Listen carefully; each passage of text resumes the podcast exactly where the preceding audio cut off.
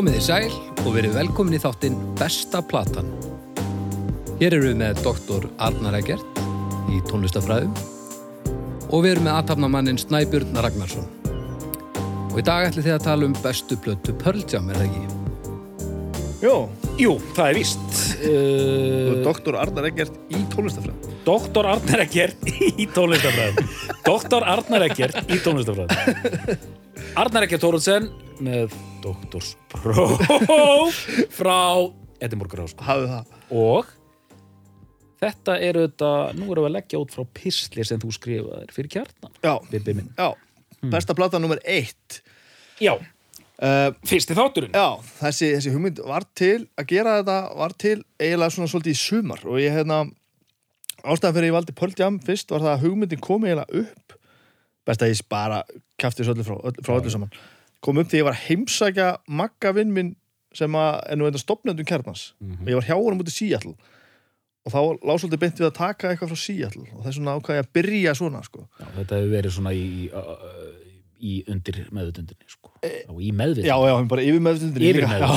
og hérna, og ég með þess að kifti þetta, þessa plötu sem ég held á hérna og hérna LP-útgáfuna af Vitology. Vitology, þriðu plötu Pearl Jam Mm og, og ég ákvað að byrja þessu Og ég tók nú eftir því strax að uh, þetta sem ég finnst mjög spe- spennandi á, ég ætla að hafa þetta líka algjörlega órið skoða hérna, eh, hérna, það er nú tilgangurinn með svona hlaðvörpum að maður getur talað mjög lengi og mjög mikið og staklað á okkur hlutum.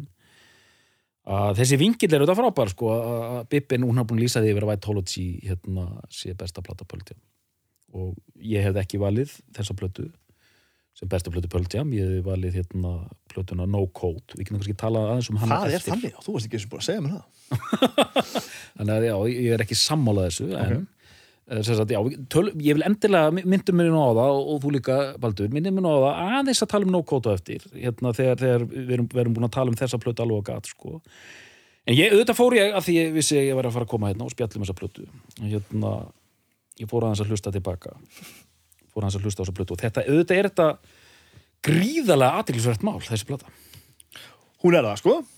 Og, og, og ég ástæða fyrir að þetta lifi svona stert í minninu á mér er það að að þegar grönnsið er að byrja sko, ég man hvar ég var þegar ég heyrði sko, sem er núna efni nýjan þátt þegar ég heyrði Nevermind með Nirvana í fyrst skipti. Og það var bara svona bara að ég hefði aldrei heyrt þetta ég var bara í Íþróttahöllinni á Húsavík og, og, og ég bara söp kveljur og bara hvað, hvað er að gerast Þú, þú, er, þú ert 78 Já, þessi 78. model, já. mhm. og, og svo bara var þessi grönnsbylgja og allt þetta og það var allt leiðilegri en Nirvana já, já, ok já. Mhm. mér fannst það, ég hef búin að hlusta punk og hlusta þungarokk og svo er enda eitt sem ég glemd að skrifa í pislinum, ég fatt að ég var að lesa hann á hann að hérna, þarna var líka pínu hérna kannski aðeins hérna, náttúrulega það er kannski meira þegar að White Tollets er að koma út og það allt saman, þá er ég aðeins að byrja að hlusta líka á, á Britpop, sko.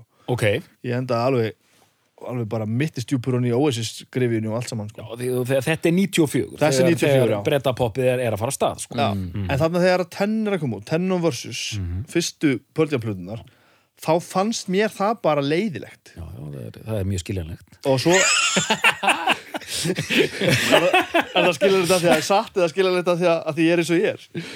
Já, já, það er skiljanlegt sko, af því að það er satt hérna, þú ert það líka? já, já, já, já, Já, ég hérna þetta kemur mér óvart. Þetta er þetta mjög skemmtilegt að byrja á Pöldjan. Þetta er þetta algjör bomba sko, af því að ég hef mjög mikla skoðun á hljónstinn Pöldjan. Það er þannig. Og á í mjög sérstöku sambandi við þessa hljómsveit.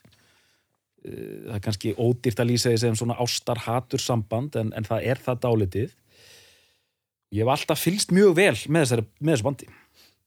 En eh, emitt, en þessar fyrstu tvær plötur emitt, hérna já, þær eru le- leiðilegar mjög leiðilegar. Hérna Black er rosalega tilgerðalegt þetta er auðlarhóll Já, ég var að hlusta á það í dagið mitt, það er rosalegt sko. Það er samt svona, það er auðlar, samt, get, getur maður fengið auðlarhroll og gæsa á það sama tíma. Ég, ég, Já, það er ég, ég, fíla það ég, og ég skil hvað er verið að gera í þessu lagi. Finnst það pínu auðlarlegt, en ég samt er alveg með. Það er svona gröndsamlegt, svolítið. Það er, sko Já. það sem fangar þessar fyrstu tvær plötur og nú náttúrulega rosalega mikið af öllu þessu Seattle grunnstóti er þessi söngstíl sko. þetta já, allir að syngja eins og þessi búið að stinga á og með einhverju svona segð okkur aðeins frá því, þú, þú talaði alveg um það í pislunum Já. þessi hérna þetta er svona einhver er og alveg- þarna líka sko. sem einhver einmitt, hérna ein- einhver kommentaði á eitthvað sem við höfum verið að sitja á netið og bendi mér á að þetta er náttúrulega lungum búið að, skilgrinda náttúrulega í Erlendis og þar er þetta, heitir þetta Jarl já, Upsilon A-R-L og það er bara til bara held ég bara jarl.com eða eitthvað, það sem hefur bara útskýrað þetta mál. En Þetta er eitthvað svona blanda af öllum sérhljóðum og er samt svona sungið einhvers staðar svona aftur í koki svona það er svona, mann líður eins og að það þurft að setja mikrofónin upp í það til þess að ná hljóðinu. Það bara kemst ekki alveg þetta er, út. þetta er Það er að svona. Og þú veist og það er einmitt sko hérna ok, bara velkomni þeir sem eru að hlusta. Í fyrsta tól, tólf tíma hlaðvarp. Fyrsta tólf tíma hlaðvarp. Það er, svo, það er svo mikið að segja um þetta því að eh, sko fyrstu smákenningina fyr- fyrstu tvær plötnum með Pearl Jam er Pearl Jam.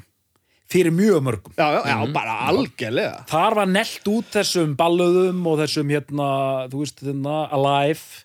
Já, þú veist, fyrsta plata neglir eiginlega út þessum tveimur hliðum á, á, á, á, Jam, það er, er rocklagið, það er Alive bara svona típiska Pearl Jam rocklag og ballaðan, Black. Og síðan er bara veist, síðan er bara einhver svona tilbreyði við þetta veist, á, á hann versus.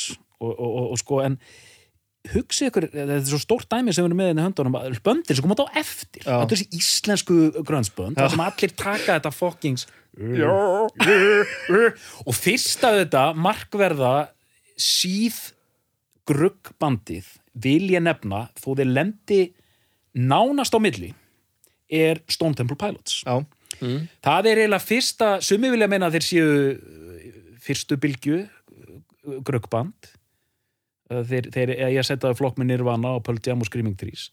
En mér finnst þeir eiginlega vera svona fyrsta útvatnaða í rauninni. Já gruggbandið. Og þar er hann þarna Væland heitinn með þetta jú, alveg upp í raskat Já, sko. í mýgandi botni, sko alveg. alveg gjörsa sko.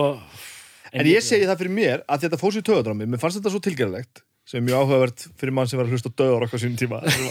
Sem Glenn Benton var að segja og ég hatta Satan, nei, ég elska Satan og hatta Guð og allt saman, sem er nú kannski öllu tilgerðilega þá hérna, þetta fór nógu mikið í töðadrámi mér, þannig að þetta eiðilaði öll hinböndin fyrir mér. Mm, já, að ég, ég til dæmis eh, svo setni tíma sko er, er verið að gauka mér, að þetta bara hlusta á þetta? Og svo erum við að hérna, tala um Alice in Chains og Soundgarden og ég er bara uh, ég bara get ekki hlusta á það. A- er svona aðeins að koma síðustu kannski árin það sem ég er svona fann að slaka á því en þetta fer bara einhvern veginn undir sama hattin á mér og ég fæ bara svona já, ég skil að, já, ég einmitt ég, að að þetta er óþólandi já, þetta er óþáland Þetta er ekki svo óþólandi Þetta er alveg óþólandi En það er svo fyndið að því að sko, til dæmis Lane Staley syngur alveg í þessum stíl. Já.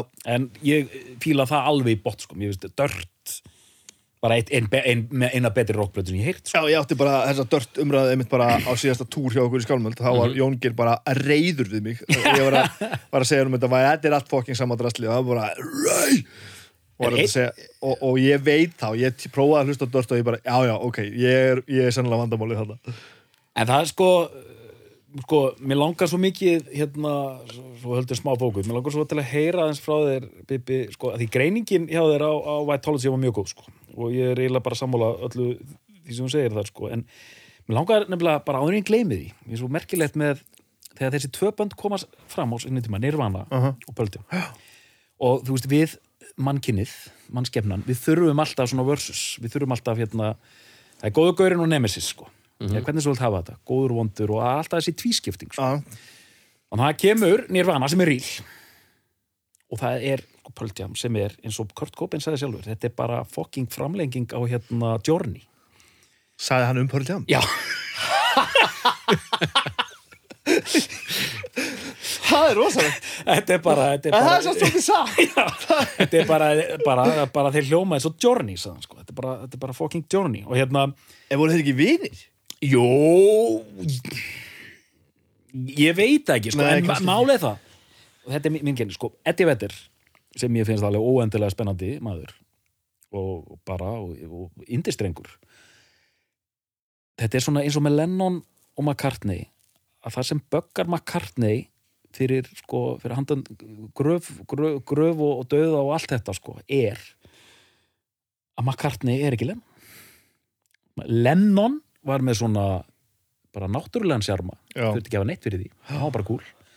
McCartney var mjög klár og frábært tónlistarmaður og getur sami lög og svona en hann er ekki með það sem Lennon er með.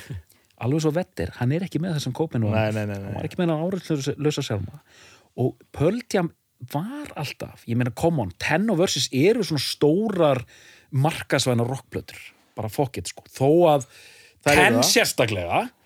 Og meiri segja, þessi gaurar hérna, Stone Gossard og Mike McReady Mhm. sem eru alveg bara frábærir gaurar sko, ég fíla þessa menn alveg í bot sko, þetta er svona, svona Richards og Woods okkar, okkar kynslu sko. Þeir voru þetta búin að hérna, eh, veist, þeir voru búin að skila sínu. Þeir voru í punkböndum indi gamla þetta Green River og já, þetta, voru búin að vera heil lengi í bransanum. Koma síðan ok, bara nú, nú ætlum við bara að meka það strákar. Gefa út þessa ten sem er bara svona, svona shiny hérna, beast einhvern megin sko. Er hún gefin út sem make? Á að make það bara? Já, sko, nú veit ég ekki söguna, sko, en allavega hún er bara og rauninni tenn fyrir mörgum er bara upp, upp á endir pöldjám, sko. Bara, þú veist, þeir eru aldrei betri en þetta, því að strax á versus fara það svona aðeins að vera tilhörna kendari, getur við sagt, sko. Samt ekkert miða við. Ekki, ekkert miða við, sko, og síðan kemur þessi og no-code og svona, höldum áfram það, en allavega, ég ætla bara að segja, og, og, það er svo fyndið með Pöldjam að því að Pöldjam er bara svona oxymorn þetta er bara gangandi þversum Já. þetta er stæsta rockljónsett í heimi en þeir vilja bara vera Fugazi sko. það er það sem fer svo mikið í tögarnar á, á Eddie Vetters hann vill bara vera hérna þú veist, þú veist, hvað, hvað, hvað band sem þú vilt nefna. Skilur á með, á með, Svona með credibility og svoleiðis með já, hann. er í Pöldjam en hann vill bara vera í sjálfsfrúin sko.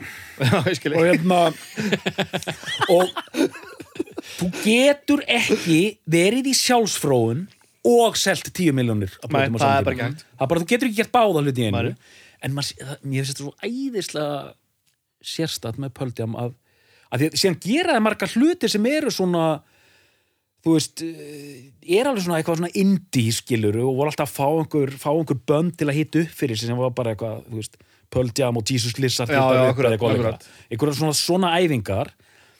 En um leið er þetta eh, ég, þið verða að hjálpa mér strákar sko, út, hvað er þetta? þetta er svona, þeir eru það sem þeir eru en vilja ekki vera nákvæmlega það sem þeir eru. E, e, Sko, að því við nú tala um þessa plötu uh, Það sem náttúrulega gerist er það að þeir, þeir meika það þarna bara 92 er það ekki? já, já, já, og, 92, er það ekki? Er ekki 10, 92? ja, 91 90 held ég, já, já. 91 og hérna Kannski flettur þessu upp aldrei svo við séum ekki að segja einhverja vilsu já, já, og þeir meika það bara. og þeir meika það og er, eru stærsta band í heiminum í tvö ár. Þetta er bara, þetta er bara þetta er algjört brjálaði sko. já, það er bara en þá komum við kannski einmitt, á það sem að 91 91, gott. Mhm. flettu upp fyrst þú ert þannig í leðinni hvenar er hvenar eru þeir unplugged hjá, hjá hérna MTV er það ekki bara þessar tvær plötur, Ten og Versus? Það er ekkert Vitology það er fyrir Vitology, er það ekki? Bitu, bitu, já, sko, bitu, það er 91 og 93 og síðan kemur þessi 94 já, er það ekki? Eh, Þetta tala um unplugged hjá Nirvana? E, nei, hjá Pearl Jam. Já, Þeir voru aldrei þeir voru plugged. Þeir voru, þeir voru bara aldrei neitt sko. þeir voru hjá MTV, það er einhverju MTV tónleikar það sem að Eddie Vedder skrifar á handlegin á sér og eitthvað. Pearl Jam MTV Unplugged 1992 Já, en það var aldrei gefið út. Bara á YouTube. Allavega. Er það sett fyrir fyrir Versus þá? Það er bara, það Já, er bara fyrir eftir Versus. Ten, já, já, ok, ok, ok, Já. okay. Aldrei endi á, ok, þeir eru þarna. Já, og, og það, það, þá svo náttúrulega sko það sem þeir segja sjálfur og, af Vitology og allir hafa sagt að þeir koma út úr þessu tímabili og þeir eru bara brjálæðir sko. Já, já, já. veist, bæði náttúrulega vinnu vantala og, æ- og einhver núningur og, og þetta gerir svo hratt og, og, og hérna Gossard er múin að vera svona þessi töffar í bandinu og Eddie Vedder fer svona einhvern veginn að standa upp og, og, og, og gera sér eitthvað breyðari og semja meira og svona Já, standa framar. Spila á gítarinn. Og þeir segja báðir sko, það var ekkert vandamál, Þa, það vildi enginn, Gossard var ekkert að reyna að tróða sér fram, framar. Nei, nei, en þetta bara var svona einhver núningur og, alls konar að gerast. Og, ég, sko, partur að því með að hvernig þetta kemur út allavega eins og þessi, þessi Vitology plata verður að þetta springur, sko, og ég held að það sé það sem að tala um þetta með aðgengiliheitin og, og þessa pop slepju sem er yfir þessu vinsalda slepjuna Mhm. að þeir, þeir einhvern veginn, það kemur út þannig að þeir bara brjótast út úr þessu Já.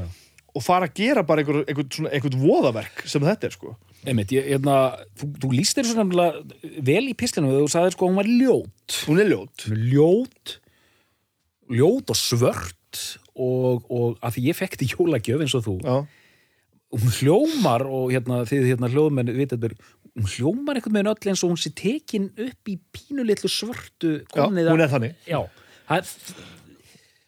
það örgulega þeir hafa gert það að einhver leit en líka þann, það er allt ambiensið er þannig og, og svolítið svona, hvað heitir þetta svona innilokunar já, og, og maður fær á tilfinningunni að, að þegar gítarinn var spilaður inn það var engin annar í stúdíun þú veist, hann var bara einn í einhverju litlum klefa að gera nákvæða sem honum síndist sko, að spila hún einhverja trommur sem einhverja hafði tekið upp og hann vissi ekki það Já, og, og sum lögin eru svona bara eins og þetta hefur verið látið gossa. Sem að eh, með það sem þeir segja er þannig, sumt að þessu var bara samið bara þeir hengda sér hljóðfærin sömdu þetta á hálftíma svo var þetta bara, svo bara drullaðin á teip sko. gossar lét gossa. Hei hei, hei, um, og, og það, þeir segja að þetta hafi orðið til þannig. Og svo náttúrulega ævintýralega hvernig þið lýsaði að, að þeir hafi eftir að higgja sérstaklega hann að pródusettin sem ég maður eitthvað heitir að hann Brendan og Brian rétt. Doktor. Doktor. Hann, hann, hann segir að hafi, að vinna með þeim var það var eins og þau væru kerfisbundið að reyna að rífa niður allt sem hafi verið byggt upp. Öll velgengnin og mm. allur þessi status 20 miljón plötu seldar og þeir mættu bara og það var bara eins og þau væru kerfisbundið að reyna að rífa þetta í sig bara, bara, bara heift í öllu og allir brjálaðir. Og credibility, aftur. Já, ég held Já, þetta sé kannski, sko. Já, ég held þetta sé alveg rétt sko maður treystir ekki alveg sko nú veit ég ekkert hvað ég er að segja en maður treystir ekki pöldjám alveg fyrir þessu sko. Mann finnst þér alltaf verið alltaf útreiknaðir sko. Að meðan sko Kurt Cobain man er, hann, þú veist, maður sá alveg hvað hann var að gera skilur, hann var gjössanlega að reyna rúst öllu og, og svona, þú veist, honum var skýt sama hann sko. draf sig sko. Já, já, já, alveg rétt. Já, einmitt, hann, þú veist Já, nákvæmlega, hann svona hann var einmitt, hann var raunverulegur. Hann var það, Hann var og- raunverulegur. og það er eitthvað, þú veist, og, þetta er eitthvað sem engum hefur tekist að, klóra sér fram úr. Það er að, að, að, ávinna sér það að vera real. Að, að, því, að því leitinu til er þessi plata að, sko, þetta er nefnilega uh, sko, þetta er síðasta reyða platan frá Pearl Jam, hérna No Code sem kom út 96 já, þá eru mennóðin slækir sko. og þá eru þeir eins og, eins og einn hérna, stórkostleir, einn gaggrinn þetta sagði hann sagði, mikið er hann merkilegt að alltaf þegar svona hljómsveitir á Vesturlöndum eh, fara að leita inn á við þá þá er alltaf að fara til Östurlanda já, alltaf grípa sítarinn Já, alltaf sítarinn sko. það er alltaf svona þá þarf alltaf að vera inn og, þú veist, og það er svona, no-code er svona það er svona heimstólinstar bragur yfir því og, og þetta er slagur sko. hann er svona, hann er slagur og svona leitað einhverju þú veist, textan eru þannig, alltaf, svona, öðruvísi en þessi en að, því ég fór að hugsa þetta alltaf á nýtt, ég fór að hugsa meira um þessu plötu og fór, að hlusta aftur á þessa að, hérna, að þessu, sko, þetta eru með þetta eru hug plötur eins og hérna Unforgettable Fire með U2 þá voru þeir búin að gefa út War 83 sem Já. var svona þeirra eh, bara vinsaldaplata hérna, Sunday Bloody Sunday og Two Hearts Beat As One New Year's Day. Og strax árið síðan gefa þeir út Unforgettable Fire sem var mjög súr plata uh, Radiohead gera þetta líka þeir slá í gegn hann með OK Computer og gefa út, og, hérna, gefa út Kid A Já, sem er mjög súr plata. Og þessi plata er eh, því margi brend að það er búin að koma út tvær mjög vinsalar plötur. Þetta er bara stærsta rockljónsett í heimi. Mhm. allir bara nettir og þú veist, eh, fullt af fínum útvarsvænum rocklögum og hérna og einhverjum ballöðum og, og samt með þetta angst sko, þú veist, Jeremy og allt þetta dótari sko 93 versus og þeir, og þeir eru bara með allt, allt og, og þá einmitt kemur þetta, þú veist, bara umslægið og allt þetta og þá voru engin stríkamerki á þessu fyrir, hérna, það er, nei, það er ekkert stríkamerki hérna alls konar vesen sko og hérna og þeir eru ljót plata fyrsti hérna, singull er sko Spin the Black Circle já, sem er ekki, ekki líklegt til útvarspilinu sko. Svo það- endur alltaf með þið fengur alltaf velun fyrir það og eitthvað best hard rock performance einhver djúvillin eitthvað. Þannig að sko að þú ert að tala no code? Já, mm, að, mér finnst það að vera eins og sko yfirvegað útgáfan af þessu hér. Já, einmitt, einmitt. Og mér, þess vegna finnst mér þessi vera betri að því að mér, mér líður svolítið eins og þeir hafa tekið alla sénsana og, og verið bara svolítið hefnir. Mér Já, líður- hérna. mér, já, og Vitology, mér líður bara svona eins og ha- hafi bara að, að þetta hefði bara geta farið til anskotans og það er svo mikið spenna í öllu. Já, ef já. þetta hefði bara verið pínlítið öðruvísi og það er hitt bara aðeins öðruvísi á að þá hefði platan bara floppað algjörlega og mér finnst það svo mikil sjarmi að hún skuli hafa lifað þetta svona stórkostlega af. já, þetta er svona já, þetta er eiginlega þetta er svo skrítið sko með Vitology sko. Hún svona, að því að hún var einmitt það er svona, svona hún sleppur til sko, það er svona með það sem voru að reyna þarna eða gera eða hvað þið voru ekki að reyna. Að sko, fólk var ekki trifið af henni, það heyrði hana sko Nei, nei, nei, svona- sérstaklega Pearl Jam fólki var bara stein, stein hissa Já, einmitt, og einmitt, hún er svona þetta er of súrt fyrir fólki sem er að fíla þarna þessi lög á, á versu sko. og þess vegna eins og ég skrifaði hann í pislinum og ég náði kannski ekki að útskýra var það ljótulögin Já. sem eru bara alltaf því leiðileg sko Já, mér finnst svo mikil sjarma bakveða af því að það er svo ofbóðslegu frum kraftur í öllu og þetta er einhvern veginn látið flakka, það er svo mikið fokkit í öllu einhvern veginn, já, já, en já. bestu lögin eru yfirvegðustu lögin sko. já einmitt, það, einmitt. sko, pöngið og, og, hérna, og tilhörnarstarfseminn, það er ekki hápunktundur á plötunni Nei, einmitt, það er svona eh, hva, nú, er, nú er ég að fa- fara sko hérna já, eins og segja, já, no codes er svona já, þetta er einhvern veginn það, það eru skíl á milli, þetta er svona síðast þetta markar einhver skíl, sko, því að no code er líka að einhver leiti mér finnst að vera svolítið svona tilrunakendasta plata þeirra og, og einhvern veginn í, í sérstöku uppáhaldi á mér. En strax á eftir no code þá næsta plata á eftir heitir Yield. Já, 98 hún er bara leiðileg sko. Nú, ég, nú til dæmis er ég búin að lesa komment frá nokkrum sem að hafa verið komment á að sé að skrifa mm. uh, sem eru sko, grjótharðir gildmenn Já, sérstaklega og, og ég hérna, að, það var talað svo háttum þetta, ég, ég fór að rendin í gegn sem ég hef sennilega bara gert sko, einu sinni mestaræði tvisur á æfinni uh, og ég heyrði alveg að þeir voru sko alveg, það er að setja þetta í sama tímabil og Vitology. Þetta er ekki alveg sundur slitið en hún er rosalega yfirveguð sko. Íld, já. já, hún er rosa mjög- mikið Hún er straight up. hún er rosa safe og það, mér líður svolítið og mér líður þannig kannski no-code svona millibils ástand á milli Vitology og Yield en mér líður eins og Yield séður að gera það meðvitað og hafi stjórnaði sem við voru að reyna að gera á. Vitology. Og mér finnst þessi, þessi óstjórnlegheit svo stórkostlega á Vitology. Já, ég ég meina þannig að þú veist ef Íld er svona fínpús útgáfa Tology, sko, það er, allan, það, er, það er ekki mjög spennandi fyrir mig, sko, Nei, ekki mér heldur veist, og hérna og þú veist og Íld, Binaural og og allt þetta plötur, þú veist, sem kom bara einhverja Pearl plötur sem er bara svona Það hafa sagt um þessar hérna, nýjustu sepultúraplötur hérna, hérna sitt hvora megin við mediocre, sko. Það er ekki endur að meðmæli. Eh, Nei, það er svona allar hljónstir eiga sitt run, ég meina Jam gefa út hann tvær plötur sem var mjög vinsalar gefa út þessa sem er, þú veist, bara þú veist, ekki geðið stöf. Fyrir mér, no code finnst mér vera ógeðslega flott plata og eh, sen er þetta bara búið fyrir mér sko. Já, þú ert alveg grjótharður þar.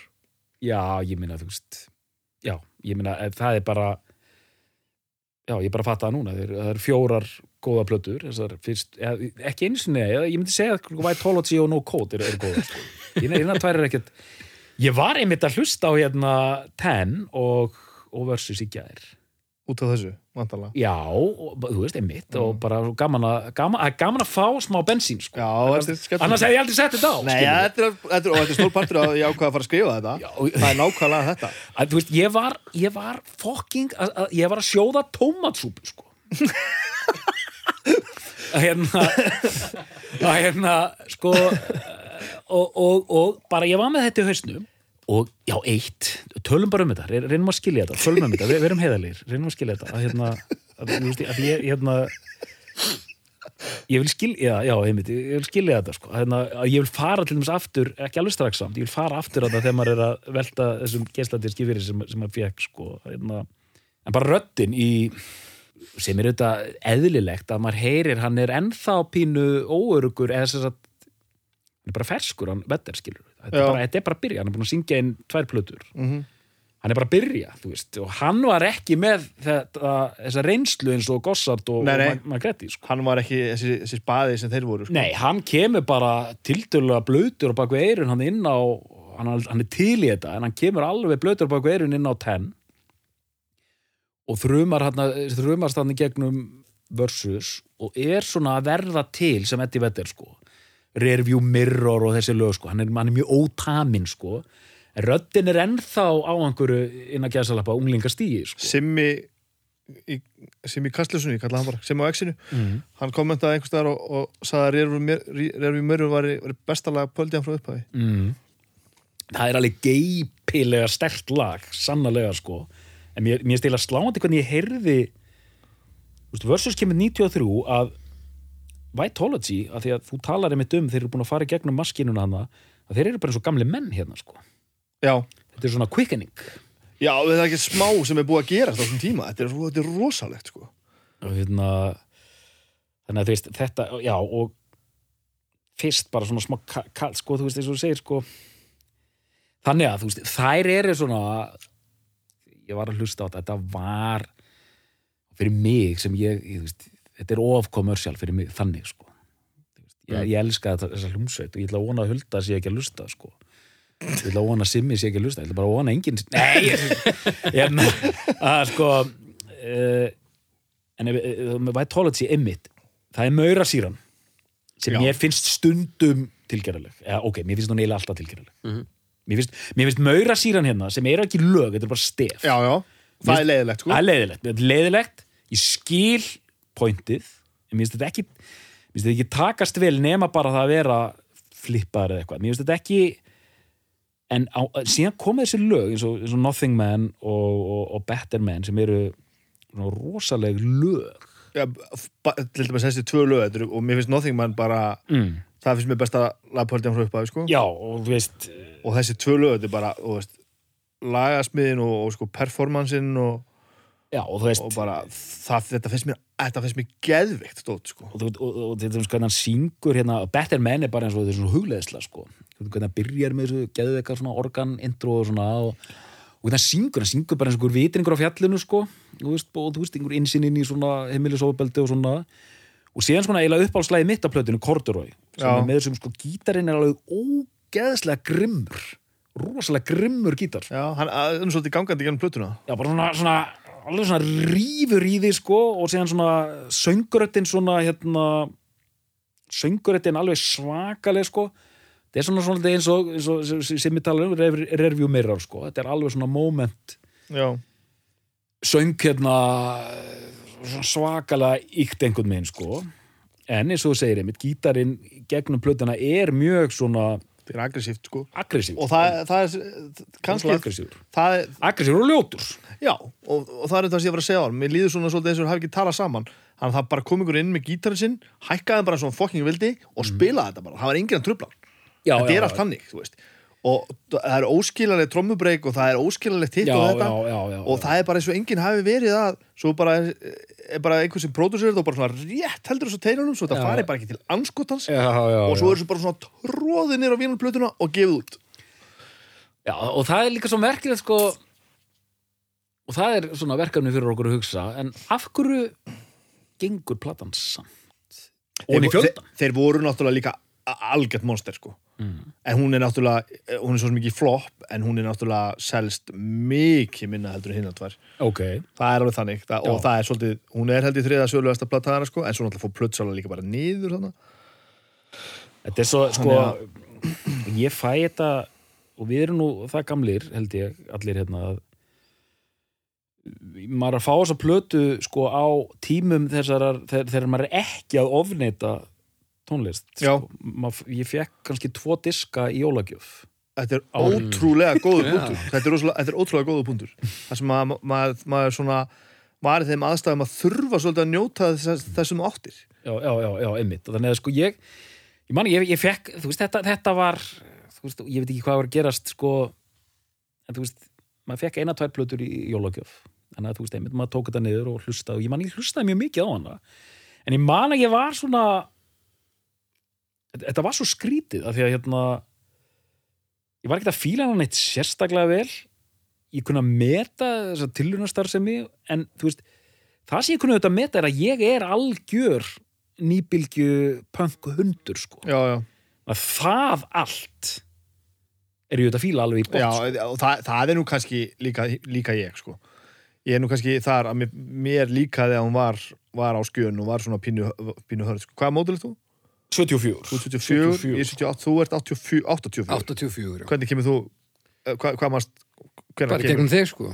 Með, með, ertu að tala um bara með jólinn og það allt saman? Nei, bara hvernig mannstu eftir þessar blötu, mannstu þá kom, kom út eða? Ég man eftir því þegar hún kemur inn á heimili og okkur en það er bara því að þú kemur með hana. bara því ég átt hana Já. Og þá hlustaði ég alveg mjög mikið á hana.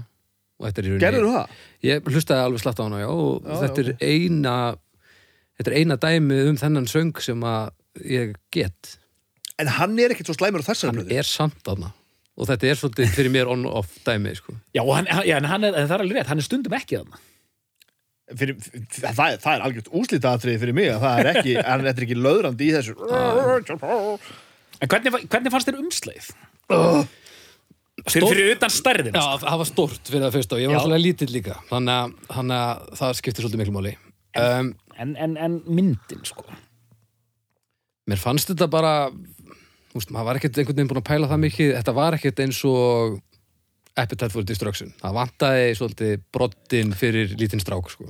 Kjánalegt, En þú ert að tala um, þú ert að tala um geislaðskina, það ekki? Ertu bara að tala um umslæði yfir höfuð það? Ég er að tala um bara stafina og þetta gilda mér finnst þetta Já, finnst þetta- þetta- bókin, sko. Og þetta er bara, og þetta er náttúrulega, þetta er actual bók.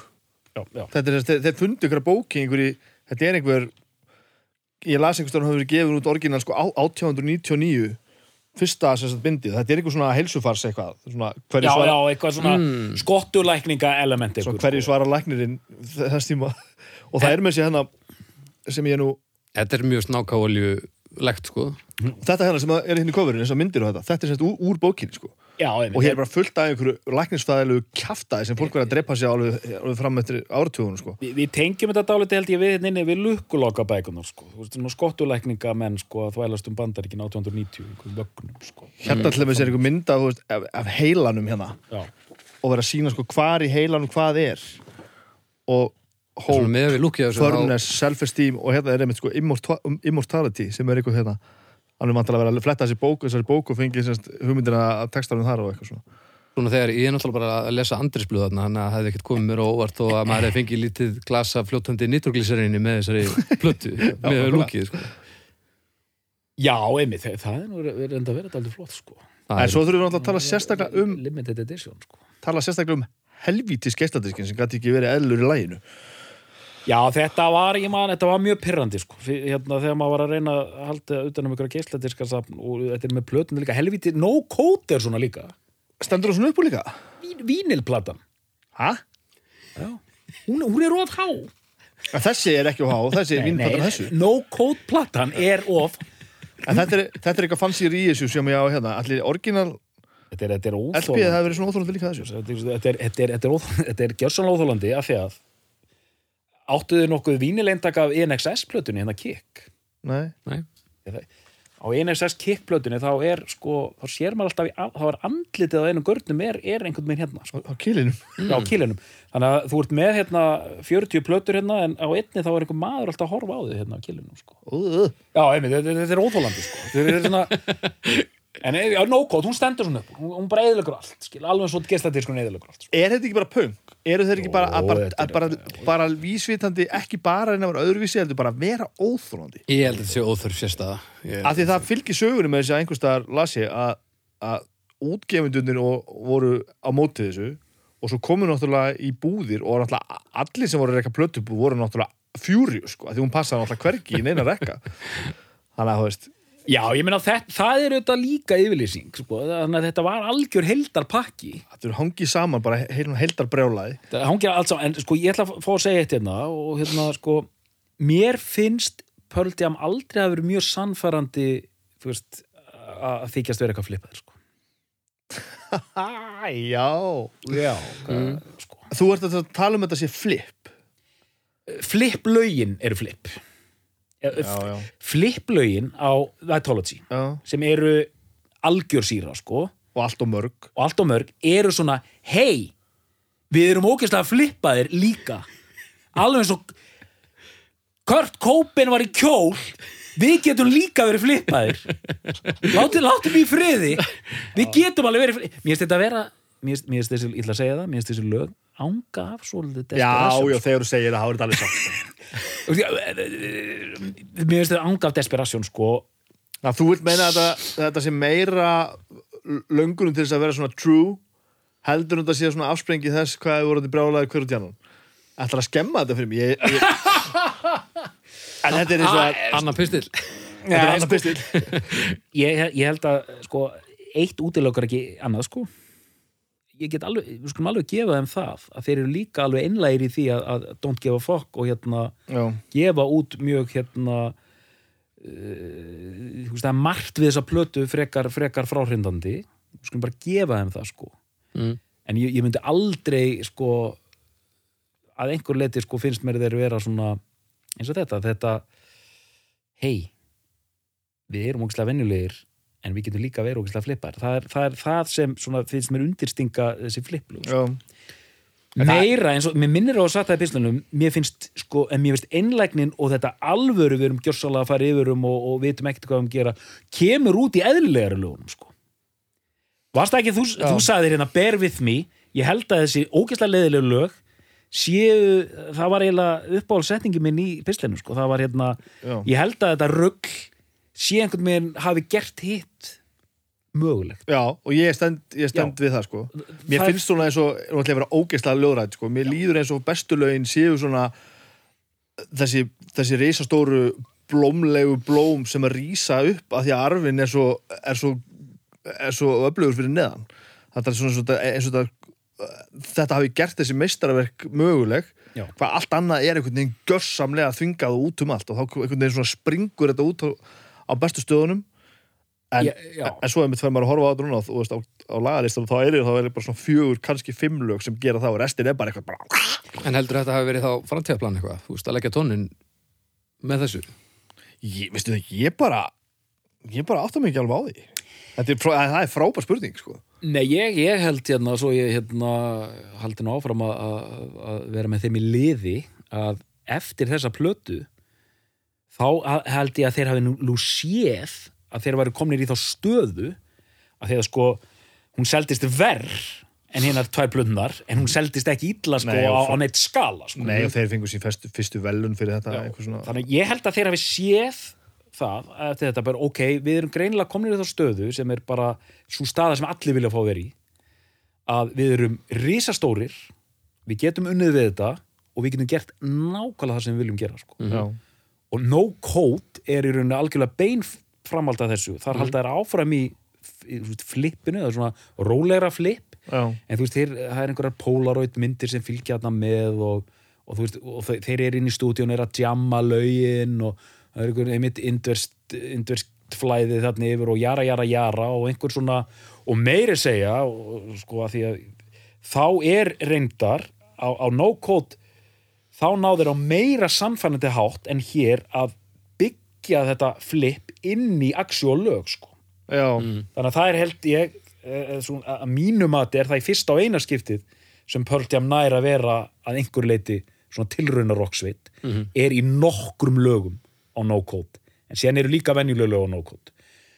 Síðan halda þær áfram og verða bara og það er önnur saga og efni í miljón hlaður að þeir verða þetta band, þetta risaband sem bara getur gefið út plötu eftir plötu eftir plötu verða aftur eðlilegra band þessi Backspacer og, og hvað er heita þessar plötur allar sem ég man ekki eins og hvað er heita sko. Hérna- Avokado-platana, Pearl Jam já, já, sem heitir bara Pearl Jam og hvað, hvað ein heitir hérna Riot Act. Og nú með þetta hérna fyrir fram að Baldur sko, hérna. Þessar plötur kom út og eru svona yfir höfuð eðlilegar. Já. en veist, þeir, þeir halda veist, þeir, þeir eru miklir svona, þú veist, umhverfis verndar sinnar og jara, jara, jara. Þeir eru allir í þessu, þeir eru svona á einhvern hátt náður að halda einhverju svona vera hippiskir. En eru þetta risa band og eru þetta rosalega live band alltaf sko. og, og verða bara eitthvað svona sam þetta er bara einhvers konar heimur út af fyrir sig sko. Já, eftir No Go þá erum við í Yield 98, Mhm. Bino- Binaural já, 2000, Riot Act 2002, Pearl Jam 2006, Backspacer 2009 og Lightning Bolt 2013. og, þú veist, og þeir tekka bara á því Pearl Jam er, er, er Pearl Jam alltaf með tónleika En svo eh, það er náttúrulega greinilega allir harðir pöldjama aðdándi sem fór að, að, að tjá sig um þetta eftir ég skrifa þetta Já. segja sko ég er eiginlega hættur að hlusta plötnuna því ég hlusta bara á bútleikana Já. og ég vissi ekkit hvað það var bara, já, hvað bútleika, ertu bara að grafa bútleika en þá hafa pöldjama sér sett frá árinu 2000 mm. hljóður þetta alla tónleika sem þið gera já, og gefa það út sem official bootlegs já, já, einmitt, einmitt, einmitt þannig að þú veist og, og þeir eru búin að selja, ég man ekki sko, hversu marga miljónir af þessum bútlegum þannig að bæður eru að græða þessu sem er bara frábært mm. og svo eru náttúrulega bara ert að fá þessa upplifin sem bandið er sem er þetta live stuff. Þú Já. getur bara alltaf farið og hlusta á bara annarkvort ég var þarna eða fengi bara hvaða tónleika sem er í, í, í, í bestu gæðum og, og, og, og hérna. Já, einmitt, og, svona, og þetta er mikill svona, þetta er svo Grateful Dead eða eitthvað alveg, þetta er mikill svona þeir eru mjög mikið svona að reka bandi sem svona hvað er þetta að segja, svona þú veist finn ekki betur á þetta ekki fyrirtæki kannski, en svona einhvers konar hérna svona entity eitthvað. Já, eitthvað þannig og hérna uh, þú veist, það er aðdándaklúpur þarna sem er, þú veist, það er eitthvað í gangi skilur, þú veist, er þetta í aðdándaklúbni og fær eitthvað sent og eitthvað svona og svona og það, það er eitthvað prógram í gangi skilur, það er eitthvað svona hugssjón sko. Já, svona sem þú mátt vera með í. Já, og svona já, með þessa, með þessa bútleika og, og, og, og svona, svona þjónustafi aðdándur og, og alltaf þær pælingar hérna. þú veist, þessi, þessi Fugazi draumur hérna, Eddie Vedder og þú veist þetta við, hey, við erum bara hérna niður á jörðinni og, og við erum hérna í beinum tengslum, veist, það er margt af þessu er alveg satt sko. Já, Eddie Vedder og, þú veist og Dave, Dave, Dave Gorol og það þessi menn gera stundum. Mm. þetta er alveg, alveg stórmerkilegt sko Ertu að setja þá í saman flokk? Nei, ég er hérna hérna að því, þú veist ég veit ekki hvað það var sér flökkusögur ekki, þú veist, þegar Dave Grohl skiluru hérna, hoppar inn á skiluru hoppar inn í bónus og borga fyrir því hérna matur Já, borga já. við eitthvað svona einhver svona taktar sko og þú veist sem þú veist að- berjast við það að halda sér einhver leiti niður á jörðinni skilur og þráttur þú sér dón heimsfrægur sko og þú veist, ég held að þetta sé alveg þeir eru alveg þannig dútar sko, pöldjám sko? Þetta En þeir hafa alltaf haldið út að, að vera stanslu starfandi, túra mikið, spila mikið á tónleikum, svona meða við, kannski, já, já, og þeir eru ennþá þessi fjórir eftir. já og svona Fjórir af fimm, sko. já og svona og verst klædda hljómsveit allra tíma. Já, það er svo leiðis, verst. já, já, verst svona hræðilegir sko. Hræðilega illa klæddir sko. Svona, já en var eh, almenn sátt um þessa yfirlýsingu þína þannig að í, í aðtúasemda kerfinu um að, að því að þetta er alltaf þetta er yfirlýsing sko? Vitology er besta pöldjánplata Ég nefnilega held ég var að, og held að vera að kalla yfir mig, sko, alls konar drull. Það voru allir málefnilegir Já, því á pínu, pínu pyrraður. Kannski eru bara, Það var nú staður og stund fyrir interneti að vera málefnilegir ég var að vona það. Að því ég man líka eftir því og það kannski, þetta var kannski pínu til höfu þess líka að þegar ég var ekki að neðan hlusta á t- á tenn og versus og allir voru að gera það þá, þá var það svo mikið yfirlæti sko, bara hvað, er þú svona góður með að skilja þetta ekki, þú veist hvað, okkur er þú, vístur þetta frábært? Og ég var að vona að þetta fólk myndi koma núna þessum árum setna og halda áfram að drulliðu mig fyrir það, nei, það gerist ekki. Og það var svona 80% sátt bara með þetta. Já þetta er besta platan Nei, ég myndur ekki segja það sko. Nei, ég myndi nú segja að það hafi ekkert flest, minniluti hafi verið sammálaðir en, en það voru langt flestir sem skildu hvað varst að fara já já já, já. Það, það hljómar auðvitað það var svolítið þannig Já, kannski það það ég bara að minna málefnilegur í þessum pislum þarf kannski Mhm, Nei, þetta er, það er, sko og ég veit að þið þekkið það, Facebook, maður fær nú venjulega þetta er þetta er hópurum mann sem kemur auðvitað alltaf innskilur mm. veist, maður setur inn eitthvað bara eh, díusætt, geðið band og þá koma fimm usual suspects inn og, og læka sko, gefa hérta og allir jarl kemur hérna og, bara allir jarl kemur innan annarkvort kemur hann eftir eina sekundu tvær eða þrjár. Já, já, þrjár er, er svona alveg, alveg max sko. Að þannig að sko já, þú veist, og þetta er að einhverju leiti þetta er mest töff plata þeirra sko, þú veist. Þessi, Vitology, Já, þetta er svona fuck it, sko. Kann, fuck kannski fíla ég það líka bara. It. bara svona fuck it, sko. Og hérna, að að mér finnst mjög gaman að tala um þess að fyrstu tværa því ég veit að verða mjög margir pirraðir hérna, sem er að hlusta að, ég, sko, ég, mjög segi það, sko. ég það, ég byrju hissa á því að þú sést þarna ég held einhvern veginn að þú væri alveg guns blazing einhvern veginn með þessu sko. að, að, ég veit ekki að hverju ég held það að fyrstu tvær væru já, hérna Já. þumlar upp sko. kannski bara að að þetta, þetta voru náttúrulega þetta var rosaleg, þetta rosaleg ströngkvörf ég man þetta kom þú veist, ég kom eh, sko daldi eftir á og kannski, og nú er, nú er þetta kannski bara að rífast upp að þú veist, Vitology og, og No Code það fekk mér svona til að strúka mér raukun og segja það er nú kannski eitthvað spunnið í þessa menn eftir allt saman sko. að því að þessar fyrstu tvær þær voru ekkert að já, ok. þú veist, kom, þú veist mitt band í grugginu er Screaming Trees sko. það er, það það er þannig og að því ég er svo mikið punk-rotta og, og þú veist, auðvitað allt sem alla hljónsætti gera, það er alltaf demo er alltaf best sko. Já, já. alltaf best, sko. ég meina, fyrsta kynningamyndin af skálmynd, það er auðvitað besta myndin sko. Sjálfsög, sérstaklega myndin af þér sko. að hérna, er það sko, hefur út í törlisbólum Já, ekki, örugglega. hérna sko en ég, ég, ef, ef ég tek bara svona skýrt dæmi, svo bara þessi síðasta Pöltjánplata Lightning Bolt, sem kemur út 2013 það er nákvæmlega ekkert að frétta Já, lagasmíðarlega séð já, já, og það er hægt að taka þá plötu bara sér. Bara hér, hér er bara rockplata bara Specimen A, a rock record. Já. og hérna uh, og það er ekkert að frétta. Það er, það er ekkert lagana hefur ekkert sextið að dvísi sko.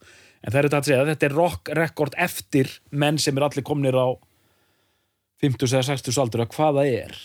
Það er eh, það er ekkert að frétta sko. og mér finnst það svo En hvað, er- seg, hvað segir doktorinn? Akkur gerist þetta? Já, akkur ger, ég meina, þú veist, og það er að taka fleiri hljónstir, það er að taka U2, skilur, það er að taka eh, flesta hljónstir, hérna, eh, rem undir restina þeirra ferli. Ég, ég man bara í sveipin ekki eftir neinu dæmi sem er, er, er, er, getur verið dæmi um, um hérna, síðastnefnda og ég meina, og, mér- er svo fyndið, og hvað segir doktorinn, sko, að því að ég geti ekki, að ég skilit ekki alveg, sko, hvernig er þetta að vera með 30 ára feril og það gerist allt á fyrstu fimm árunum, sko.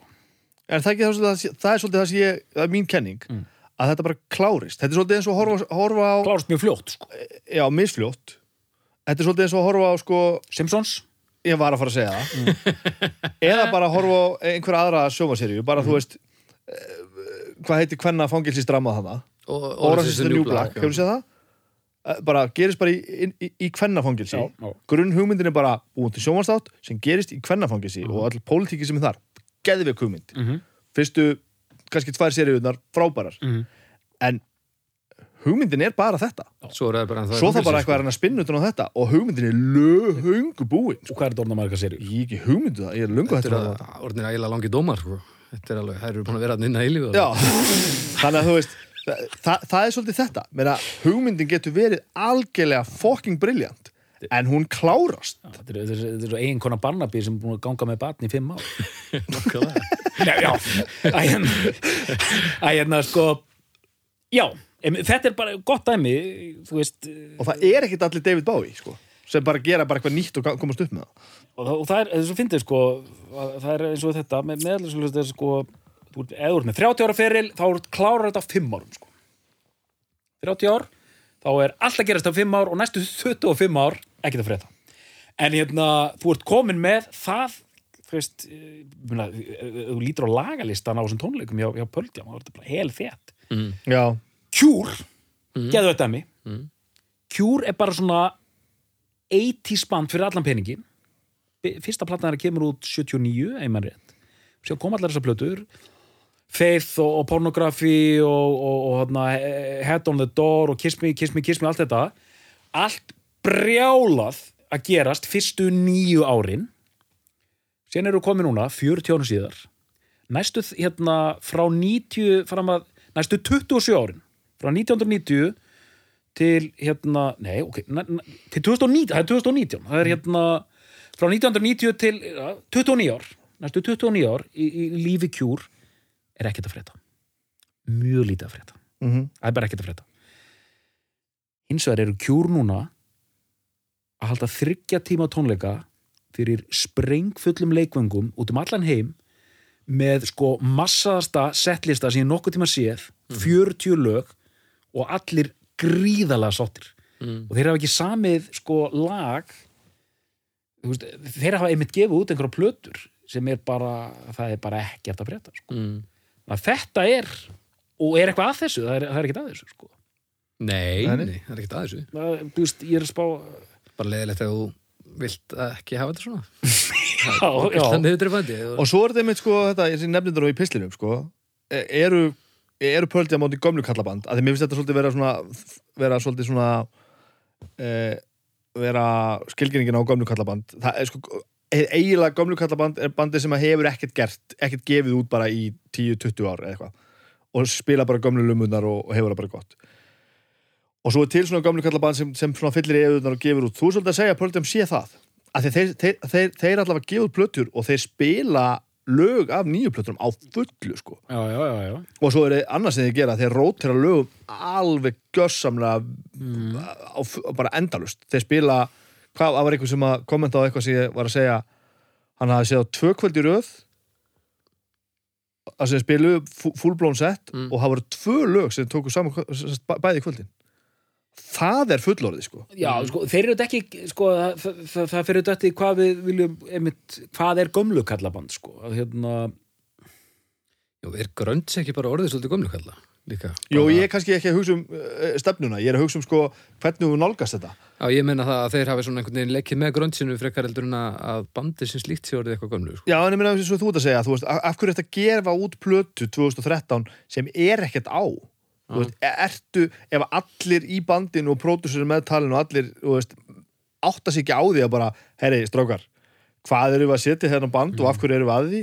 Veist, þá eru þið bara orðnir, að þetta er bara gaman að fara með strákunum í veist, þá er þetta svona gömlu kalla svona, veist, já, já, já, er þá ekki alveg gott að sitja bara heima, veist, af hverju er þetta þessu? Já, ég heldur, sko, og þá eru þetta kominir, við hefðum aldrei getað sagt við þá á sínu tíma, það er ekkert að fréttast okkar á þessari plötu, Nei, nei. þú veist, hérna, og ég veit ekki hversu, ég man að ég var alltaf að lesa, ég var alltaf að lesa viðtölu við, hérna, REM, sem við köllum inn á Íslandi, sem er eina af mínum svona uppáhaldsjónsötum, sko, hérna, Ég kom með þá listan fyrir pislana mann, það er rosalegt Já, hérna að- að- að- mér fannst alltaf svo fyndið að ég var alltaf að lesa viðtal við hérna, að viðtöl við Peter Buck, gítarleikara Mhm. Þar sem hann sagði alltaf við hverja einustu plötu sem gaf út þetta er bara það besta sem við höfum gert frá, bara, sem allir tónlistamenn segja sko já. þetta er það besta sem við höfum gert og síðan hlustum á plötuna, nei þetta er ekki það besta sem við höfum gert þetta er bara mjög langt frá því að vera það besta sem við höfum gert en eðlilegt að ef þú ert listamaður skilur við þá ertu er líklega komin á þennan stað sko. En eins og þessi síðasta platta úst, hversu framalega hefði hún þurft að vera til þess að vera eitthvað? Og það, þetta er þetta slæmt dæmi kannski með þess að síðustu að því að platan þar á undan, mér minnir að sé þessi hérna annarkvort, uh, nei, líklega Backspacer hún var mjög skemmtileg sko. Hún var svolítið svona Hmm. hún var svolítið, ke var svolítið keirt sko. Það var svolítið bara svona bara, bara þú veist, spin, the black circle sinnum, sinnum 12 sko. Já, bara svona, hei, gerum þetta, strákar. Bara, hún var svolítið svona hún var hress. Mm. en hún var mjög þunglamaleg þessi hérna lightning bolt sko Já. hún var þunglamaleg plata og svona En sérst var hún endurtekning á bara nákvæmlega því sama eða bara, þetta var Bara lélegri. já, þetta var bara svona grautur þetta var bara svona, þú veist, þetta var eins og hérna uh, þetta var svona eins og 30 pöldjam lögum hefur verið settar í einhvern blender, sko og þú veist, bara eitthvað svona, svona litlaus hérna, og þið þekki þessar plötur þetta er svona, Svona bass plötur. bara bassplötur það er ekkert er engin karat, jú, ég heyra að þetta er pöldjam en Já, þannig það var það sem ég var að pæla bara, lægi bara e, e, e, hvað heitir þetta, þú ert, bara í sjálfvirkum gýr, sko Já, það er það sem ég er að pæla, þú veist, það hefði ekki skipt neinu máli hvar, til dæmis í diskografíunni þessi plata væri, hún væri samt ja, bass. Já, einhvern veginn, svona, en líka einhver þreita sem er kannski já. skrítið að sé ekki það er, þú veist, það er ekki komið út plata núna hérna, þú veist, hérna mjög lengi, Sex ár. Sára einn meina þetta eru svo, nú eru túl nýbúin að út plötu mest selta plata í bandaríkjunum. Já, þeir tóku sér smá pása á milli. Já, já, hérna hann að, túl alltaf að spila og svona, þannig að þetta er líka nýr sko, smá pæling sem við náum ekki að klára hérna að þetta er gömul hugsun sem ég er kannski að koma dálítið með inn, þú búið þetta ungur, ungur baldur með við, við, við mig og hérna, hérna Bibba hérna að, að það er þessi, við ölumst dálítið uppið það að sko, listamæður verður að vera svo skapandi Já, já. hann þarf að, hann þarf að breyta einhverju, hann þarf að vera hafa svo mikið fram að færa á plötunni sem að gefur út sko. Og það er eins og það sé alltaf við erum svona albumkynnslóð að það er alltaf sko upphaf það er svona upphaf endir alls er platan og ég við ekki það, partur að ég ég ákvað að byrja að skrifa þessa pistla var til að halda í það Já, einmitt. veist, e- ekki, vonandi ekki í svona einhverju óraunherru nostalgíu en svona upphefja þetta gamla Já, já, og, við, og, og, þú veist, og, og það er einmitt hægt að taka langa rökraðinu það að, að, að, að albúm sé ákveð mæli hvarði, sko. En þú veist bara, já, heyri, gott lag sem, má ég heyra hans, má ég heyra fleiri lög, sko. en auðvitað er náttúrulega grundvalla breyting á því sem var að það var þannig að bönd spiluð á tónleikum til að geta selt fleiri plötur Mm en núna er þetta þannig að, að hljómsveitir gefa út plötur til að geta spila á fleiri tónleikum. Einmitt.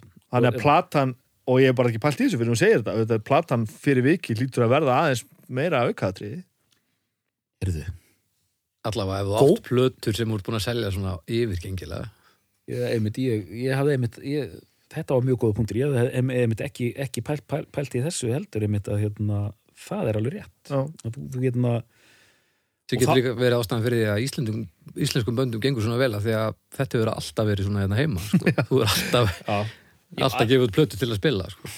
Þannig að það er svona, Þetta eru náttúrulega svakalega sviftingar Ba- band sem gætt sko selt 10 miljónir ef það sló harkalega í gegn. Og ég vil þú varst- þú varst band sem slóst bara svona ne, í gegn, þú seldi kannski einu og halva fokking miljónar plötunni þinni.